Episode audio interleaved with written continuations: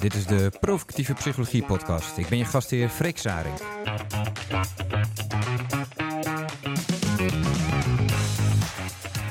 In deze podcast praten we over de klinische praktijk, de wetenschap en de meningen van mensen die werken in de psychotherapie of gezins- en relatietherapie.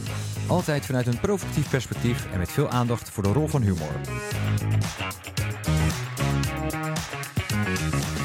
Na drie jaar en 26 podcasts specifiek over de provocatieve psychologie kom ik nu met de Wat ik van jou kan leren reeks. Zoals jullie gemerkt hebben vind ik het erg leuk om te vertellen over datgene waar ik enthousiast over ben. Maar na drie jaar van zenden van mijn boodschap over willen brengen, denk ik dat het dit jaar tijd is om het roer om te gooien. Ik wil leren van anderen. Dat sluit ook mooi aan bij het proces waar ik nu in zit in mijn promotieonderzoek. Al twee jaar ben ik zelf de lit- literatuur in aan het duiken en leer ik van het werk van anderen. Word ik geïnspireerd en voel ik de motivatie om iets met die nieuwe kennis en inzichten te doen.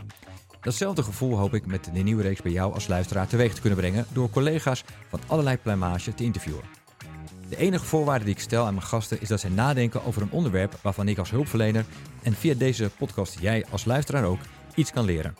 Natuurlijk zou het zomaar kunnen zijn dat de vragen aan mijn gasten soms wat provocatiever van aard zijn, maar centraal staan mijn gasten en hun lessen aan ons.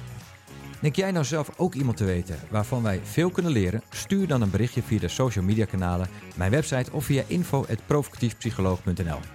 Naar wie ben ik op zoek? Uiteraard naar collega-psychologen, psychiaters, psychotherapeuten, coaches en andere hulpverleners.